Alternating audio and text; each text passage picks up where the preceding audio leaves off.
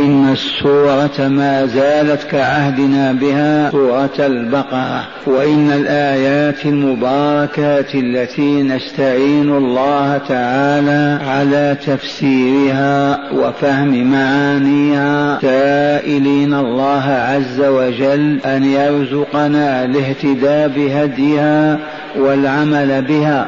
إنه قريب مجيب سميع الدعاء. قراءة تلك الآيات بعد أعوذ بالله من الشيطان الرجيم. وإذ ابتلى إبراهيم ربه بكلمات فأتمهن. قال إني جاعلك للناس إماما. قال ومن ذريتي؟ قال لا ينال عهدي الظالمين. إلى آخر ما جاء في هذا السياق القرآني المبارك الكريم. معاشر المستمعين والمستمعات من المؤمنين والمؤمنات من هذا إبراهيم الذي ابتلاه الله واختبره وامتحنه فنجح؟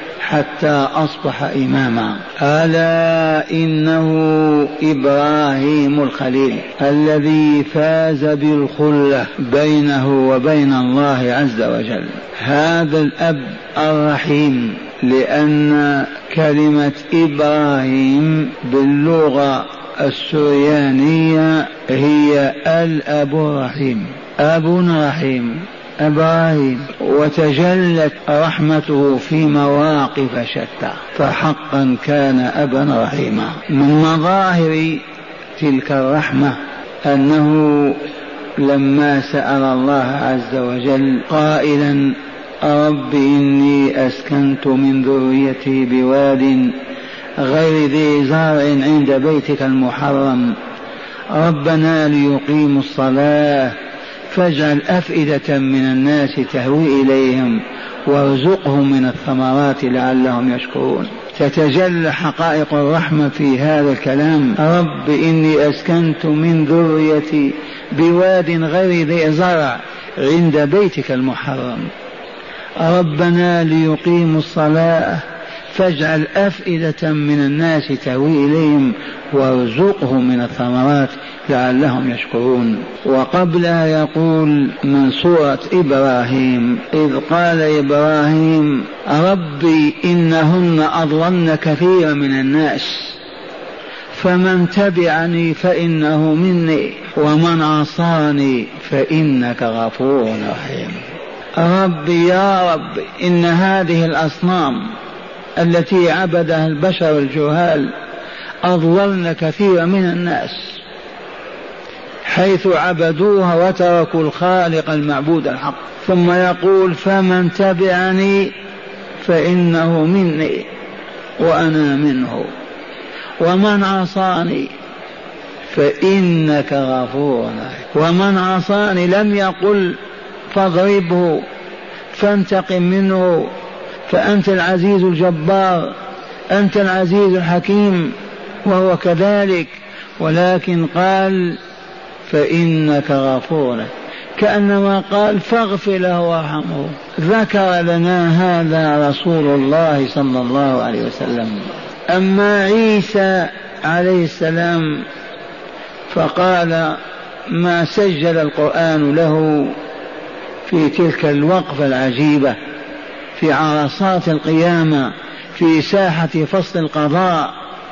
قال عيسى والله يقول له أنت قلت للناس اتخذوني وأمي إلهين من دون الله؟ قال سبحانك ما كنت لأقول لهم إلا ما أمرتني به أن اعبدوا الله ربي وربكم وكنت عليهم شهيدا ما دمت فيهم فلما توفيتني كنت أنت الرقيب عليهم وأنت على كل شيء شهيد. إن تعذبهم فإنهم عبادك وإن تغفر لهم فإنك أنت العزيز الحكيم. فانظر ما بين الموقفين ما قال فإنك أنت الغفور الرحيم. أنت العزيز القوي القادر الذي لا يعجز شيء. الحكيم تضع الشيء في موضعه. كاف خبيث منتن مجرم الحكيم ما يضع بين أولياء الرحمن في دار السلام. يضع في أتون الجحيم.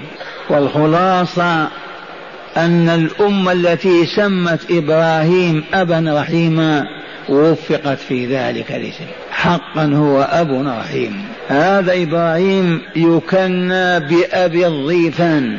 هو ما ولد ضيفان ولكن كني بأبي الضيفان.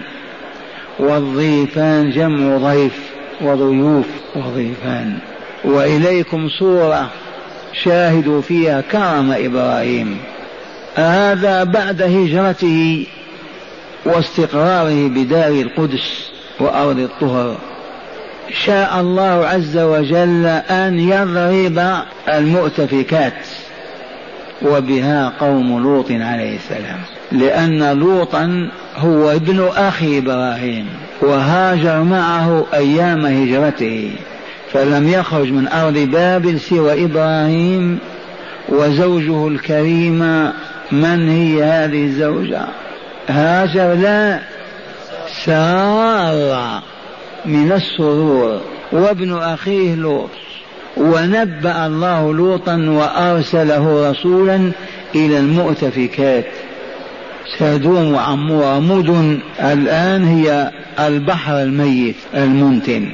فلما دعاهم إبراهيم إلى أن يعبدوا الله وحده وأن يتخلوا عن الفاحشة التي لم يسبقهم إليها أحد من العالمين وهي إتيان الذكور من العالمين. وتم وعد الله وبذل لوط صلى الله عليه وسلم أقصى جهده ولم يستجب له فلم يسلم ما عدا أهل بيت فقط. أهل بيت لا واقرأوا لذلك قال فما خطبكم أيها المرسلون؟ قالوا إنا أرسلنا إلى قوم مجرمين إلا آل لوط. إنا لمنجوهم أجمعين إلا ما أتوا كانت من الغابرين. قدرنا إنها لمن الغابرين. الشاهد إلا فما وجدنا فيها غير بيت من المسلمين. مدن في ذلك العالم. فما وجدنا فيها غير بيت من المسلمين. ولا حرج. ونوح قبله ألف سنة إلا خمسين عاما وحصيلة الدعوة كانت نيفا وثمانين رجل ومرأة لا أقل ولا أكثر. تسعمائة وخمسين عام وهو يدعو الليل والنهار في السر والعلن. لم يتابعه على ملة الإسلام إلا نيف وثمانون رجلا وامرأة. فلا عجب. وقد أخبرنا رسول الله صلى الله عليه وسلم أن النبي يبعث يوم القيامة ومعه النفر والنفران ويبعث وليس معه أحد. ما استجابوا. فلما أراد الله إنهاء ذلك الوجود العافن الخبيث المنتن أرسل جبريل وميكائيل وإسرافيل فنزلوا ضيفا أو ضيوفا على إبراهيم لأن فلسطين والأردن متصلتان. فلما نزلوا بإبراهيم أهل وسهل ورحب فراغ إلى أهله فجاء بعجل سمين فقربه إليهم قال ألا تأكلون؟ ثلاثة أنفار يقوم إبراهيم بذبح عجل سمين أيضا ويشويه ويقدم مشويا. ثم يقول ألا تأكلون؟ يتأدب معهم ما قال كلوا كأنه أعلاهم يأمرهم. قال ألا تأكلون؟ فأبوا أن يأكلوا. فأوجس منهم خيبة. لم ما يأكلون. وهذه إن شئتم قولوا عادة بشرية. حتى في الإسلام. إذا أراد الشخص بالآخر سوءا لا يسلم عليه. لأنه لو قال السلام عليكم أمنه. لو أراد به خيرا لسلم عليه وأكل طعامه. فإذا رفض أن يأكل معناه ما جاء للأكل جاء ليذبحه أو يسلبه ماله. فإبراهيم أوجس في نفسه خيفة لما ألا تأكلون؟ فقال له جبريل وهم في صورة رجال كرام حسان الوجوه. لأن الملك يتشكل كما أراد الله. فقال جبريل إنا لا نأكل طعاما إلا بحق. وهو كذلك. وهل تأكلون أنتم طعاما بدون حقه تدخل المطبخ تشبع وتخرج غير معقول هذا. إنا لا نأكل طعاما إلا بحقه. فقال عليه السلام كلوه بحقه. فقالوا له ما حقه؟ قال أن تسموا الله في أوله وتحمدوه في آخره. أيها المستمعون والمستمعات هل بلغكم هذا؟ إنه لا حق لك في طعام الله ولا شرابه. إلا بأن تذكر اسمه أولا وتحمده أخيرا وإلا فأنت آكل ما لا يحل لك. هل يفهم الواعون هذه؟ هذا الطعام من خلقه من أوجده من وضعه بين يديك. أتأكل بدون إذنه؟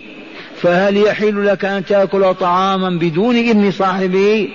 أسارق أنت أم لص؟ فمن هنا لا بد إذا أراد عبد الله أو أمة أن يأكل أن يقول بسم الله. أي باسمه إذ هو الذي آذن لي فيه. لو لم يأذن لي فيه والله ما أكلته. إيه نعم. هل تأكل ميتة أو خنزيرا أو مغصوبة محرمة لم ما تأكل؟ لأنه ما أذن لك. أذن الله لك فيه؟ لا. إذا فلهذا أياكل المؤمن ما حرم الله؟ ما يأكل. أما إذا أذن له فيه فإنه يقول بسم الله. ويأكل إذا فرغ من الأكل ماذا يصنع؟ يحمد المنعم فيقول الحمد لله. ومن الأسف ملايين المؤمنين ما يعرفون هذا. ومن عافه عافه تقليدا أعمى فقط لا عن علم وبصيرة.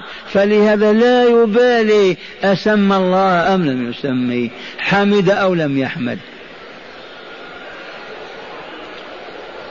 هل يجوز لعبد من عباد الله أن يتناول كأس الخمر ويقول بسم الله ويشرب يجوز؟ والله ما يجوز. كذب. كذب على الله زور.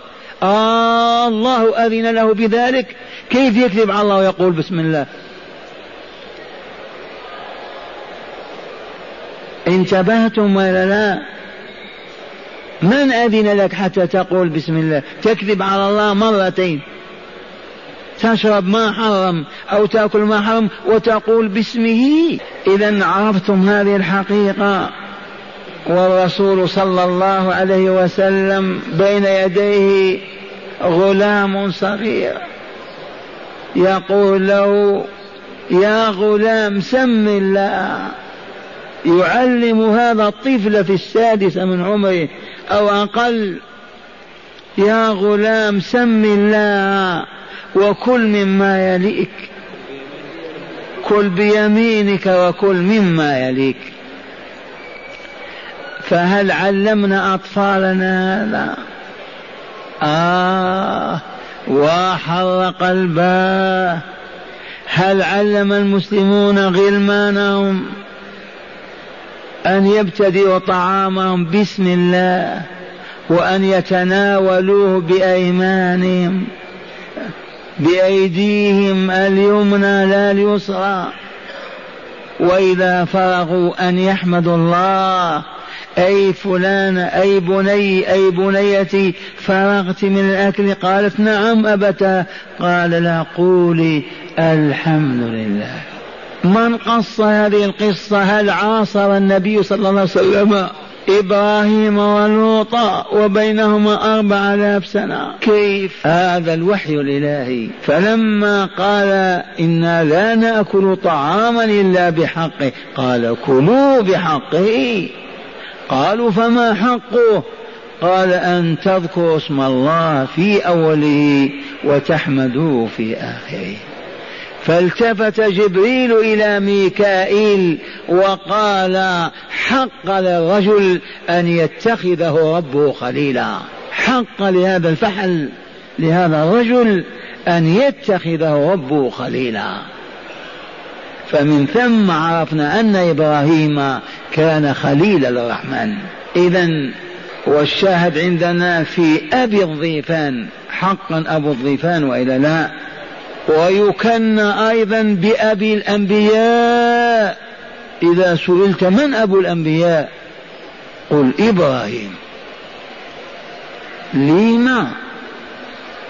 لأنه ما من نبي ولا رسول نب وأرسل بعده إلا من ذرية إبراهيم. ما من نبي نبأه الله بعد إبراهيم إلا من ولد إبراهيم. فلهذا أبو الأنبياء أبو الضيفان خليل الرحمن إبراهيم عليه السلام دعا الله عز وجل دعوة مباركة واستجابها الرحمن. ولو تذكرونها من سورة الشعراء. حيث قال الذي خلقني فهو يهديني والذي هو يطعمني ويسقيني وإذا مرضت فهو يشفيني والذي يميتني ثم يحييني والذي أطمع أن يغفر لي خطيئتي يوم الدين. ربي هب لي حكما وألحقني بالصالحين. واجعل لي لسان صدق في الآخرين واجعلني من ورثة جنة النعيم. واغفر لأبي إنه كان من الضالين ولا تخزني يوم يبعثون يوم لا ينفع مال ولا بنون إلا من أتى الله بقلب سليم.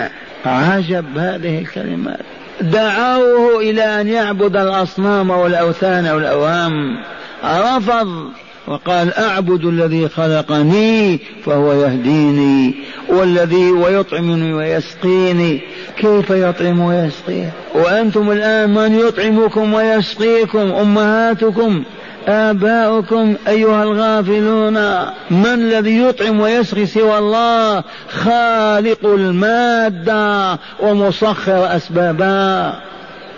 إياك أن تفهم أنك تطعم نفسك وتسقي نفسك. من خلق الماء؟ من عرفك أنه يرويك؟ من خلق الطعام وهداك إلى أكله؟ وعلمك كيف تأكله. لتعرفوا أننا لاصقون بالأرض. من منا يعرف هذه الحقيقة؟ أنا آكل أنا أشرب أنا أطعم أنا كذا أنت أنت ما أنت وما كنت شيئا يذكر. عجب هذا الكلام الذي خلقني فهو يهديني والذي هو لا غيره يطعمني ويسقيني وإذا مرضت فهو يشفيني والذي يميتني ثم يحييني والذي أطمع أن يغفر لي خطيئتي يوم الدين. ربي هب لي حكما وألحقني بالصالحين. واجعل لي لسان صدق في الآخرين واستجاب الله. اليهود النصارى المجوس كل أهل العالم يعترفون لإبراهيم بالمقام الأسمى والمنزلة العليا وأنه أبو الأنبياء. استجابة الله له. وفي السياق الكريم تقدم لنا ما قال اليهود وما قال النصارى وما قال المشركون. وهم يتشبثون بالنسبة إلى إبراهيم. كلهم يقول إبراهيم منا وإبراهيم بريء منهم. إبراهيم يقول تعالى عنه ما كان إبراهيم يهوديا ولا نصرانيا ولكن كان حنيفا مسلما. هذا من سوره آل عمران. إن إبراهيم كان أمة قانتا لله حنيفا ولم يكن من المشركين. فمزق تلك الخيوط الباطلة التي يتشبث بها المشركون في مكة ويدعون أنهم أتباع إبراهيم. ما هم في حاجة إلى محمد صلى الله عليه وسلم. وما كان من المشركين. ومن سورة آل عمران قالت اليهود إن إبراهيم كان يهوديا. والنصارى ادعت الدعوة كان نصرانيا فأبطلها الله ورد هذا وأبطلهم. إذا فإبراهيم عليه السلام كان حنيفا مسلما. مائل عن كل الباطل وضروبه وأنواعه وعباداته وآلهته. إلى الحق مسلما قلبه ووجهه لله رب العالمين. فأبطل دعواهم وهم ثلاثة طوائف اليهود والنصارى والمشركون من العرب. وها هو ذا تعالى يريهم صورة حقيقية لإبراهيم. فقال إن إبراهيم وإذ ابتلى إبراهيم ربه بكلمات. ابتلاه امتحنه واختبره. بكلمات جمع كلمة. وهي كما يقولون أوامر ونواهي. كلمات لأن الأمر يكون بالكلمة افعل. والنهي يكون بالكلمة لا تفعل. إذا فإبراهيم امتحن ونجح. وإذ ابتلى إبراهيم أي واذكر يا رسولنا لهؤلاء الطوائف الضالة. من اليهود والنصارى والمشركين. اذكر لهم ليسمعوا ويعوا ويشاهدوا. إذ ابتلى إبراهيم ربه بكلمات فأتمهن.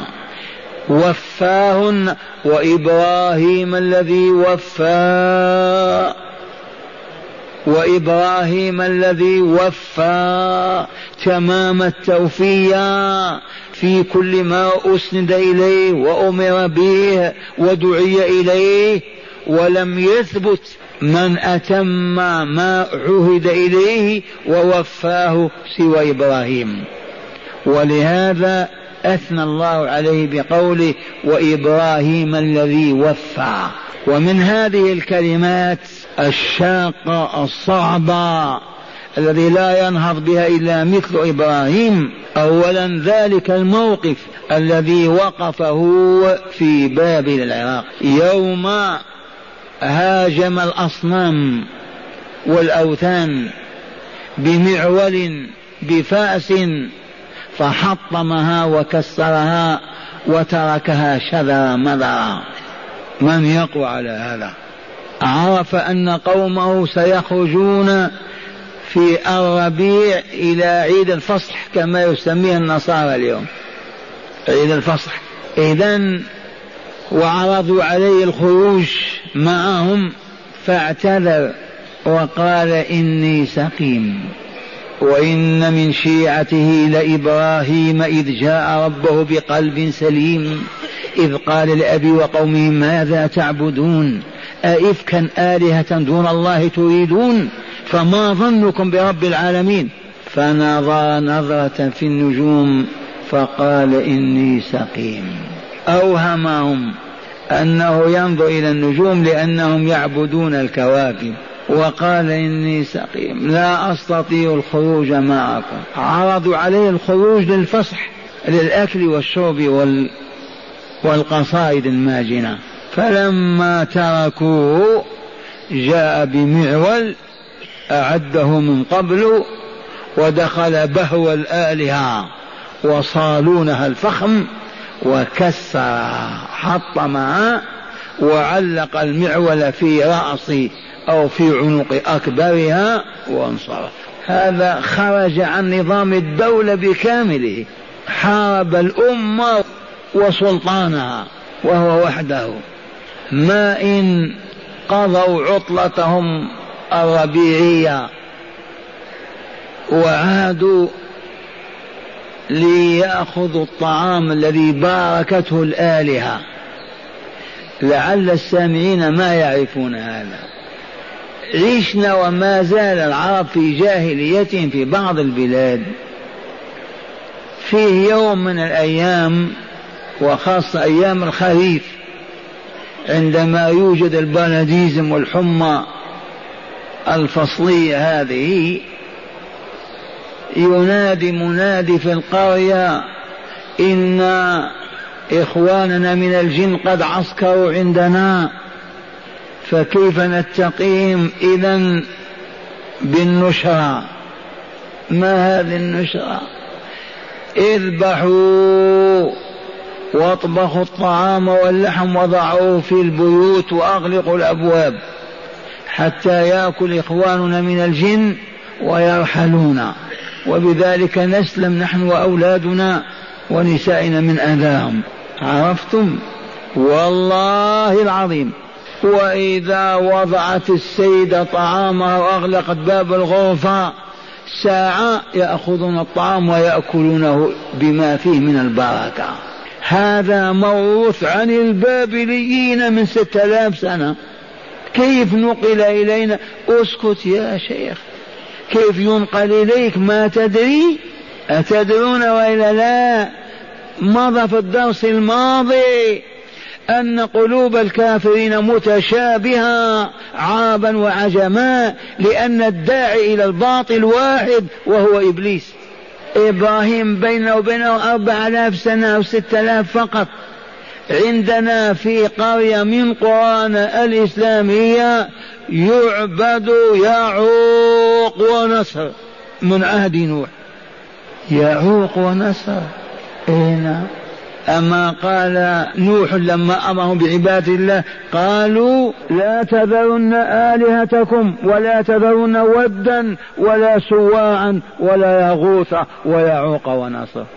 جبلان رأينهما هذا يعوق وهذا نصر وإذا انقطع المطر وأجدبت الأرض خرج أهل البلاد بالنساء والرجال ويذبحون ليعوق ونصر ويأكلون الزرد والطعام حتى يسقوا كيف نتخطى أكثر من ثمان آلاف سنة؟ كيف يتم هذا؟ لأن الداعي إلى الشرك والباطل واحد هو إبليس.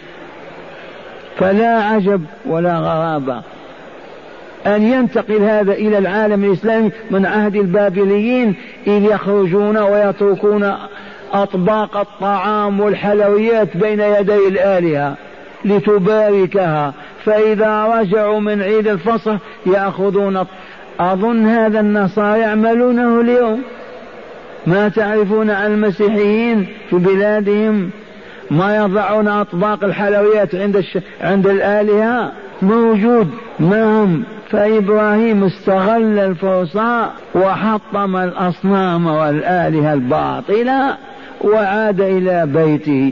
فجاء المغرورون المخدوعون ليتناولوا الأطعمة المباركة فوجدوا الآلهة متناثرة. قالوا من فعل هذا بآلهتنا؟ إنه لمن الظالمين. قالوا سمعنا فتى يذكرهم يقال له إبراهيم. سمعنا فتى شاب يذكرهم أي بالسوء بعدم الرضا بالغضب ما هو راضي عنهم. قالوا فأتوا به على أعين الناس لعلهم يشهدون.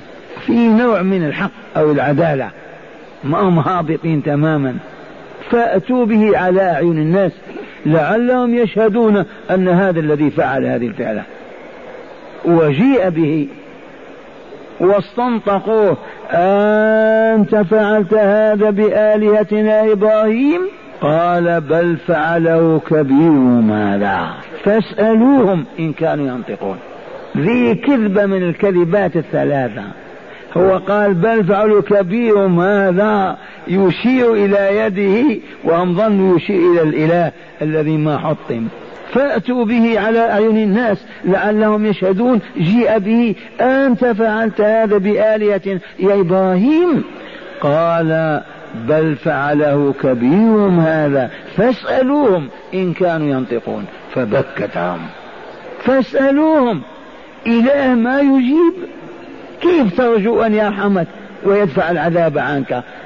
وهو ما ينطق. قالوا لقد فرجعوا إلى أنفسهم فقالوا إنكم أنتم الظالمون.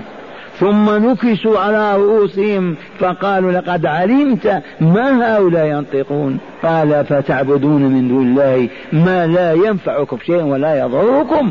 اف لكم ولما تعبدون من دون الله. أفلا تعقلون؟ هذا الغلام هذا الشاب هذا هذا إبراهيم هذا. قالوا اذا حرقوه وانصروا آلهتكم إن كنتم فاعلين. لما عجزوا عن البيان والحجة والبرهان رفعوا الهرارة وهذا واقع البشر.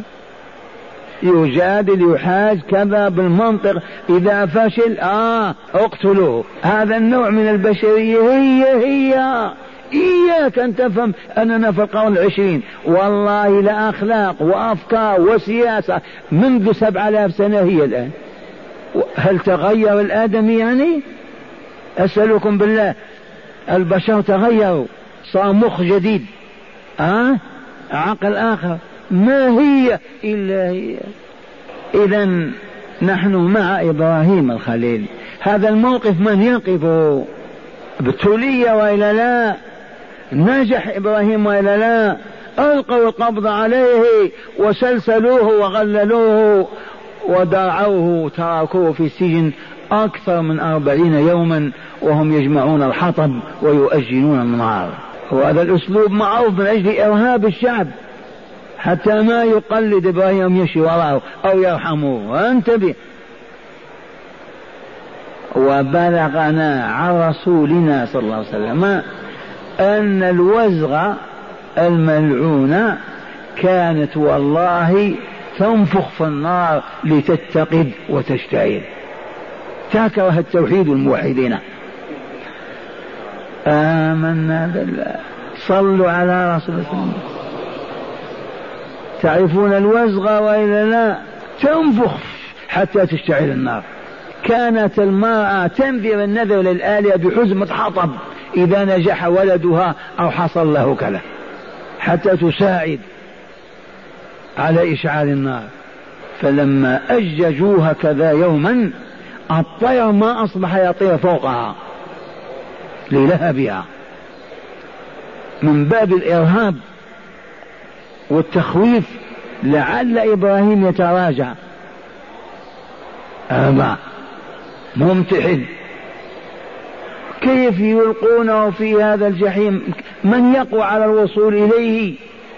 فما كان منهم إلا أن وضعوا في منجنيق تباتم وأضاءوا ورموا به بالآلة لأنهم ما يستطيعون أن يصلوا إلى النار.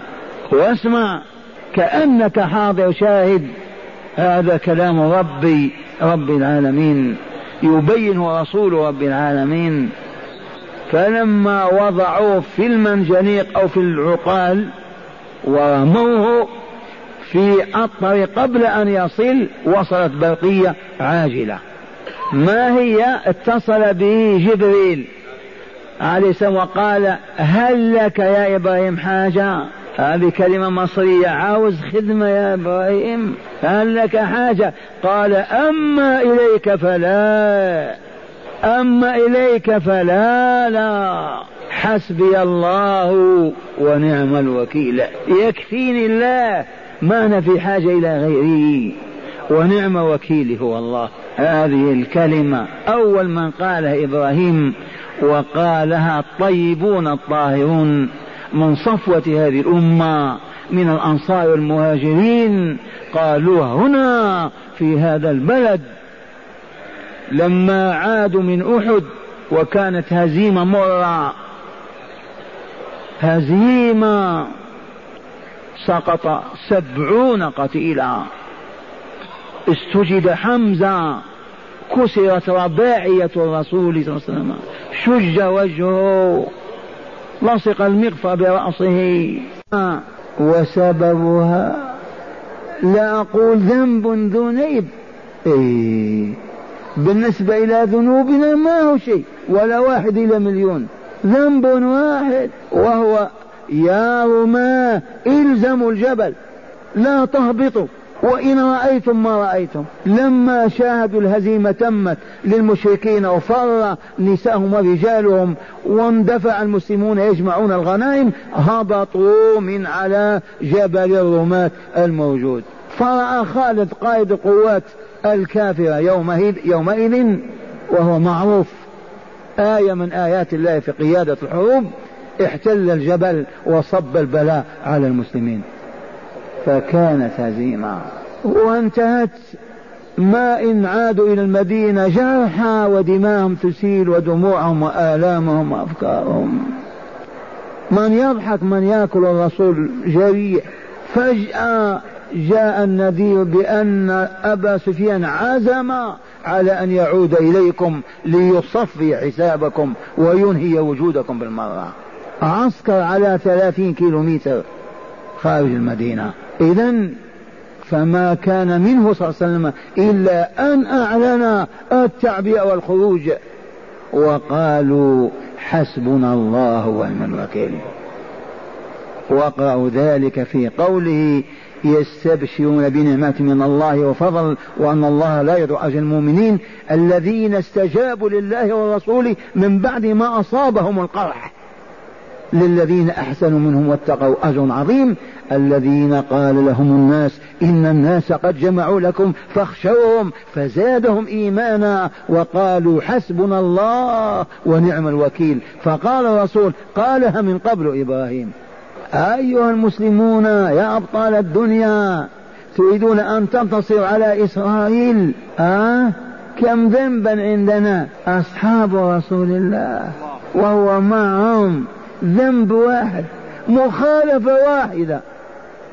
ونحن خالفنا الله ورسوله وشرع الله ما أبقينا شيئا إلا وعكسناه. ونريد أن ننتصر. كيف يمكن هذا؟ نغالط أنفسنا هذه عابرة فقط. والشاهد البرقية جبريل اتصل بإبراهيم باللاسلكي هل لك حاجة؟ قال أما إليك فلا حسبي الله ونعم الوكيل. ويصدر أمر الله إلى النار. المتأججة يا نار يا نار كوني بردا وسلاما على إبراهيم. هذه آية من سورة الأنبياء. يا نار كوني بردا لولا أنه ألحق كلمة سلاما قال لتحولت إلى ثلج قاتل ومات إبراهيم بالبرد. تحول تلك النار إلى كتلة من الثلج ويموت إبراهيم من شدة البرد. لكن لما قال وسلاما والله ما أتت النار إلا على عقاله في رجليه وال والكذا في يديه. فاحترق الكتاب في يديه ورجليه. والنار لم تمس جسمه. وذكرت لكم كرامة أخرى. أحد الصالحين الربانيين داهمه الدرك الفرنسي وهو على كرسي الدرس وأدخل يديه في الحديد. وأخذ يضغط عليه. قال الشيخ رحمة الله عليه قلت له لقد وسعه الله فلن تستطيع تضيقه يحلف ما مس يده. عرفتم هذا؟ ولي من أولياء الله. عالم رباني خريج هذا المسجد. تربى ونتنشى في هذا المكان الطاهر. وما عرف قومه أهله ولا قيمته. كصالح في ثمود. إذا قلنا يا نار كوني بردا وسلاما على إبراهيم وأرادوا به كيدا فجعلناهم الأسفلين الأخسرين. خسروا ونزلوا. هذا الموقف امتحن فيه إبراهيم وإلا لا؟ نجح. أتم الأمر كما أراد الله. وبعد أمر آخر. إلى أين يذهب إبراهيم؟ لا مواصلات ولا ولا ولا ولا عرف البلاد. إلى أين يذهب؟ فكانت أول هجرة عرفتها البشرية. أول من هاجر في سبيل الله إبراهيم. بشهادة أبي القاسم الحفيد الكريم. أول هجرة كانت لله في العالم هجرة إبراهيم فهاجر من أرض بابل والعراق معه زوجه الطاهرة سارة بنت أخ بنت عمه ومعه ابن أخيه. لوط عليه السلام فقط ترك الأهل والمال والآباء والإخوان والدنيا وخرج. لا يملك شيئا. هذه واحدة. وإذ ابتلى إبراهيم ربه بكلمات. ذي كلمة من الكلمات. أو الهجرة تعدونها لا شيء. المهاجرون الأولون أثنى الله تعالى عليهم. يخرج الرجل يترك أهله وماله ومعارفه ويخرج لا يملك شيئا. إلى أين يذهب؟ كيف يعيش؟ لا يعرف أحدا. ولكن لوجه الله طلبا لمرضاة الله. فرارا بدينه حتى لا يعبد غير الله. الهجرة. تعرفون قيمتها وإلا لا؟ واقرأوا لذلك قول الله تعالى من سورة الحج في تقدم المسلمين في شمال في جنوب أوروبا. حصل معركة فاستشهد فيها من استشهد. فجيء به إلى مدينة دخلت في الإسلام على ساحل البحر. إذا فخرج أهل البلاد مع المجاهد ولم يخرج مع المهاجر إلا عدد قليل في الجنازة. فقام أحد المؤمنين وقال أما أنا فوالله لا أبالي أن أقبر في قبر مجاهد أو قبر مهاجر إلا فرق بين المهاجر والمجاهد. وقرأ هذه الآية من سورة النساء. والذين هاجروا في سبيل الله ثم قتلوا أو ماتوا لا يدخل لا يرزقنهم الله رزقا حسنا.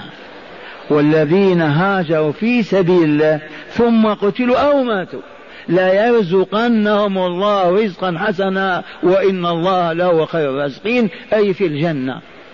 ما في فرق بين المهاجر والمجاهد. أعيد الآية. والذين هاجروا في سبيل الله ثم قتلوا أو ماتوا. قتلوا مجاهدين أو ماتوا على فراشهم كما مات هذا. لا يدخلنهم الله مدخلا يرضونه وإن الله لعليم حليم. لا يرزقنهم ولا يدخلنهم الجنة. عرفتم قيمة الهجرة؟ ما هذه الهجرة؟ لما؟ لأن العيش ضاق. ما وجدنا شغل. الهجرة في الله هي أنك تحرم من أن تعبد الله. أنت خلقت لهذه العبادة.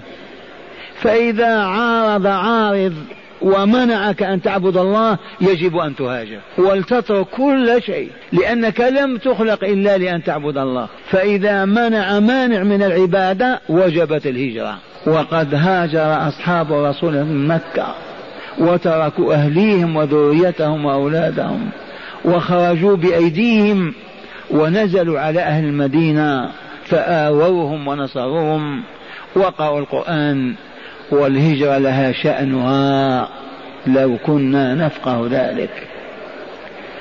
الهجرة اسمع يا عبد الله واسمع يا أمة الله. تنزل في عمارة سكن أجرت فيه شقة وإلا سكن إذا وجدت نفسك لا تستطيع أن تستقيم في هذا المنزل قد تصاب بتركاب معصية يجب أن تهاجر. نزلت منزل تعرضت لأن تنظر بعينيك ما لا يحل لك. أن تسمع ما لا يجوز أن تسمعه. أن ترتكب معصية من المعاصي. ما فيه سبيل إلا أن تخشى هذا الذنب. يجب أن تهاجر من هذا المنزل إلى هذا. وجدت نفسك في بلد لا تستطيع أن تقيم به دهرا أياما أو ليالي إلا وقد تركت واجبات أو فعلت محرمات. والله يجب أن تهاجر إلى بلد آخر ولو خمسين كيلو. ما هو شرط إقليم أو, أو آخر. من بلد إلى بلد. ما هاجروا من مكة إلى المدينة؟ بلد واحد. لا تقول هجرة الانتقال من بلد إلى بلد من دولة إلى دولة أو من إقليم إلى إقليم. الهجرة أن تترك مكانا وجدت نفسك لا تعبد الله فيه. ولا تستطيع أن تقيم على منهجه. ارحل. وهذه الهجرة كما علمتم كالجهاد. لا فرق بين المهاجر والجهاد. والذين هاجروا في سبيل الله ثم قتلوا أو ماتوا لا يرزقنهم الله رزقا حسنا وإن الله لهو خير الرازقين ولا يدخلنهم مدخلا يرضونه وإن الله لعليم حليم هل عرفتم السر لماذا خلقنا؟ لأن نأكل ونشرب وننكح؟ خلقنا لأن نعبد الله. فإذا منعت من عبادة الله يجوز أن تبقى في ذلك المكان؟ العلة التي خلقت من أجلها تعطلت يجب أن تهاجر. إبراهيم هاجر مع سارة ومع لوط من أرض العراق إلى أرض الشام.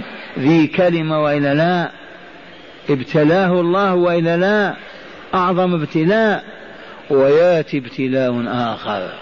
هذا الابتلاء بحكم رقة قلب إبراهيم وفيضان رحمته على حواسه ومشاعره وأحاسيسه يبتليه الله تعالى بأن يذبح ولده. أي امتحان أعظم من هذا؟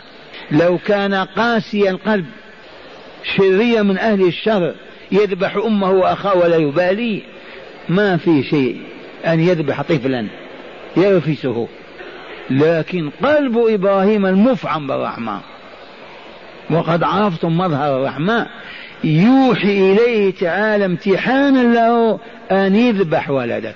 وفعلا يقول لهذا أعديه وطيبيه وطهريه ونظفيه ويخرج به من حجره ملاصق للبيت إلى منى ليريق دمه هناك.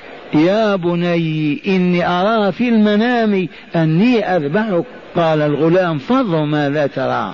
افعل ما تؤمر يا أبتاه. وخرج به وتله للجبين على الأرض والمدي في يده ووضعها فلم تقطع. ووقف الحديد وبطلت سنة الله فيه آية من آيات الله. ثم ناداه منادي أن اترك هذا وخذ هذا يا إبراهيم وفديناه بذبح عظيم. هذه واحدة وإلا لا أصعب من الأولى. وإذ ابتلى إبراهيم ربه بكلمات فأتمهن وأخرى لما أخذ إسماعيل يقوى على العمل في الثامنة من عمره والتاسعة أمره الله أن يبني له بيتا. الدولة تكلف فردا يبني بيتا. أين الأموال؟ أين الرجال؟ وأين وأين؟ في صحراء في واد خالي ابن لنا بيتا. فينهض إبراهيم والله كأنكم تشاهدونه وهو يضع اللبن حجرة فوق الأخرى. وهو يتقاول مع ولده وإذ يرفع إبراهيم القواعد من البيت وإسماعيل ربنا تقبل منا إنك أنت السميع العليم. ربنا واجعلنا مسلمين لك ومن ذريتنا أمة مسلمة لك وأرنا مناسكنا وتب علينا إنك أنت التواب الرحيم. ربنا وابعث فيهم رسولا منهم يتلو عليهم آياتك ويعلمهم الكتاب والحكمة ويزكيهم. إنك أنت العزيز الحكيم. يتقاولان هذا الكلام وهما يبنيان البيت. إبراهيم يأخذ الحجر من إسماعيل ويبني. بنى البيت ولا لا؟ هنا لم يبق إلا الجائزة العظمى. نجح إبراهيم. وإذ ابتلى إبراهيم ربه بكلمات فأتمهن قال إذا إني جاعلك للناس إماما. لما نجح أعطاه جائزة لم تحلم الدنيا بمثلها. إني جاعلك للناس إماما قدوة يقتدي بك الأبيض والأسود طول الحياة. عرفتم كيف فاز بها؟ هذه جائزة نوبل. إني جاعلك للناس إماما. قال ومن ذريتي أيضا. قال لا ينال عهدي الظالمين. ما نعطيك عهد مطلق ويأتي من أولادك المشرك والكافر والظالم والفاسق ويصبحون أئمة لا. لا ينال عهدي الظالمين. قالت العلماء من هذه الآية أخذ ما يعرف بولاية العهد. عرفتم؟